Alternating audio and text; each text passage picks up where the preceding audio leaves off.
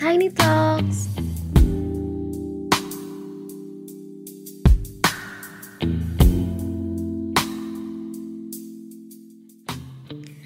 Di episode pertama ini, aku bakalan membahas tentang anxiety disorder yang terjadi di masa pandemi virus corona.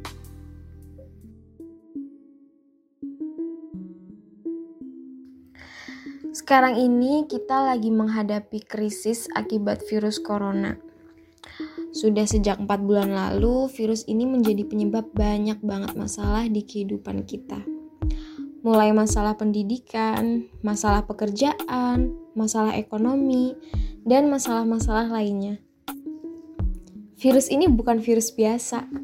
Virus corona atau Severe Acute Respiratory Syndrome Coronavirus 2 adalah virus yang menyerang sistem pernapasan kita, sistem pernapasan manusia. Virus corona bisa menyebabkan gangguan ringan sistem pernapasan, infeksi paru-paru yang berat, hingga kematian. Penyakit karena infeksi virus ini disebut COVID-19. Virus ini dianggap bahaya karena penularan dan penyebarannya tuh cepet banget. Dia bisa nyerang siapa aja, bayi, anak-anak, hingga orang dewasa dan lansia. Kenapa? Karena virus ini menyerang sistem kekebalan tubuh kita, sistem imun kita. Penularan virus yang tak kasat mata ini pun mudah banget. Melalui sentuhan kita udah bisa tertular. Bukan cuma sentuhan fisik seperti berjabat tangan dan lainnya. Penularan virus yang tak kasat mata ini pun mudah banget melalui sentuhan kita udah bisa tertular. Bukan cuma sentuhan fisik aja dengan manusia, tetapi virus ini juga menempel pada benda yang akhirnya ya lebih mudah lagi penyebarannya dan penularannya kan. Dengan semua sebab-sebab itu, akhirnya negara memperlakukan beberapa peraturan bagi rakyatnya guna mengurangi penyebaran virus ini. Mulai dari pemberlakuan protokol kesehatan, pembatasan sosial berskala besar atau PSBB, hingga gerakan di rumah aja atau stay at home. Gerakan stay at home berarti kita diharuskan untuk membatasi kegiatan di luar rumah dan sebisa mungkin berada di rumah aja. Dengan gerakan ini, akhirnya semua kegiatan dari pendidikan, pekerjaan itu dilakukan di rumah para siswa, mahasiswa akhirnya melakukan kegiatan belajar dari rumah atau belajar online. Mungkin awalnya kita senang aja gitu ya, bisa di rumah terus, bisa bebas, bisa ngapain aja kan, bisa kumpul dengan keluarga dan lainnya. Tapi lama-kelamaan akhirnya muncul masalah-masalah seperti katakan aja kebosanan. Ya kan, kita pasti bosen di rumah terus tanpa adanya social activity yang kita lakukan gitu kan yang biasa kita lakukan ketemu teman-teman dan lain-lain. Terus juga kurangnya efektivitas pekerjaan. Karena akhirnya pekerjaan pendidikan itu dilakukan melalui internet gitu kan online. Udah pasti itu kurang efektif ya dari mulai sinyal dan lain-lain aja udah. Kita bisa tahu kendala-kendalanya akhirnya orang-orang mulai resah dan khawatir. Mungkin sebagai mahasiswa, aku juga merasakan itu.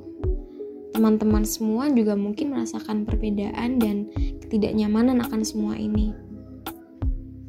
Kita akhirnya menebak-nebak, kapan sih virus ini selesai dan keadaan bisa kembali normal lagi? Tapi apa yang bisa kita lakuin? Karena emang gak ada yang bisa memastikan itu gitu. Berkat semua kekhawatiran ini, akhirnya berdampak pada kesehatan mental para mahasiswa. Banyak orang-orang yang mengalami gangguan kecemasan, apalagi mereka-mereka yang emang dari awalnya punya penyakit ini. Menurut salah satu peneliti dari Center for Public Mental Health Fakultas Psikologi UGM yaitu Diana memprediksikan ada 15-20% mahasiswa yang membutuhkan perhatian akan kesehatan mentalnya.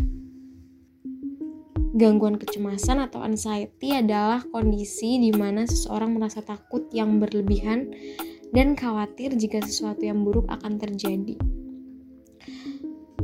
Sebenarnya kecemasan itu bukan hal yang salah. Kecemasan itu normal ketika kita emang dihadapi suatu ancaman atau bahaya.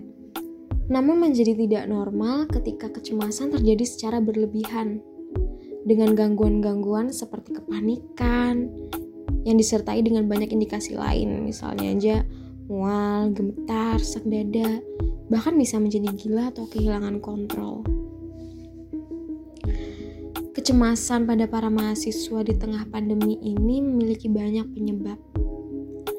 Awal mula timbul dari gerakan stay at home tadi, meskipun memang bisa jadi beberapa mahasiswa sudah memiliki penyakit psikis maupun fisik sebelum ada pandemi ini, tetapi banyak juga sebab yang muncul akibat dari pandemi virus corona. Yang pertama, kondisi ekonomi. Karena di tengah pandemi ini banyak sekali orang-orang yang akhirnya kehilangan pekerjaan atau merugi. Ekonomi mereka turun drastis, ya kan, dan lainnya. Kedua, kondisi studi kuliah online, tugas-tugas, deadline numpuk, emang jadi keresahan utama bagi para mahasiswa. Belum lagi teknologi yang mungkin kurang memadai bagi beberapa mahasiswa. Kuota atau sinyal yang buruk misalnya.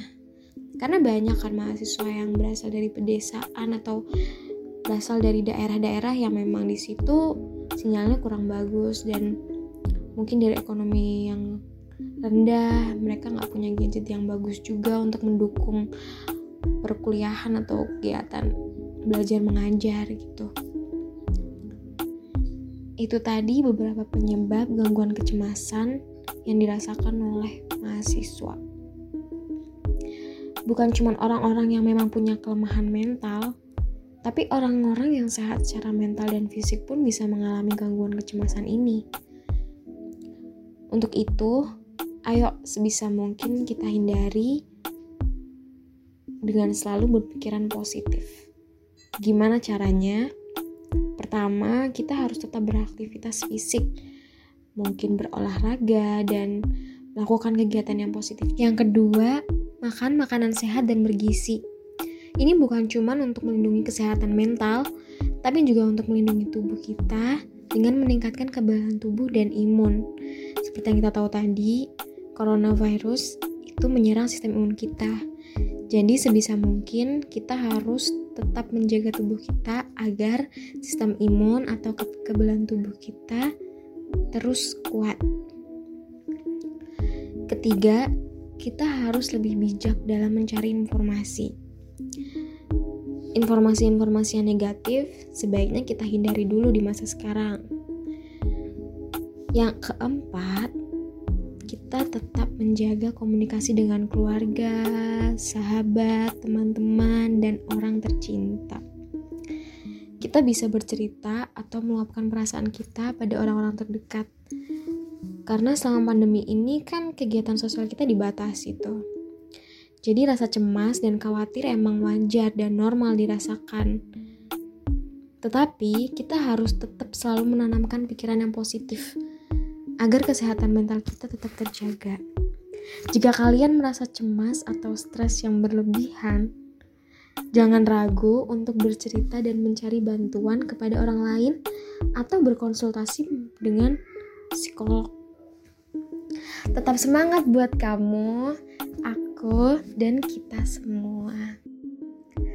Sampai jumpa di episode Tiny Talks berikutnya.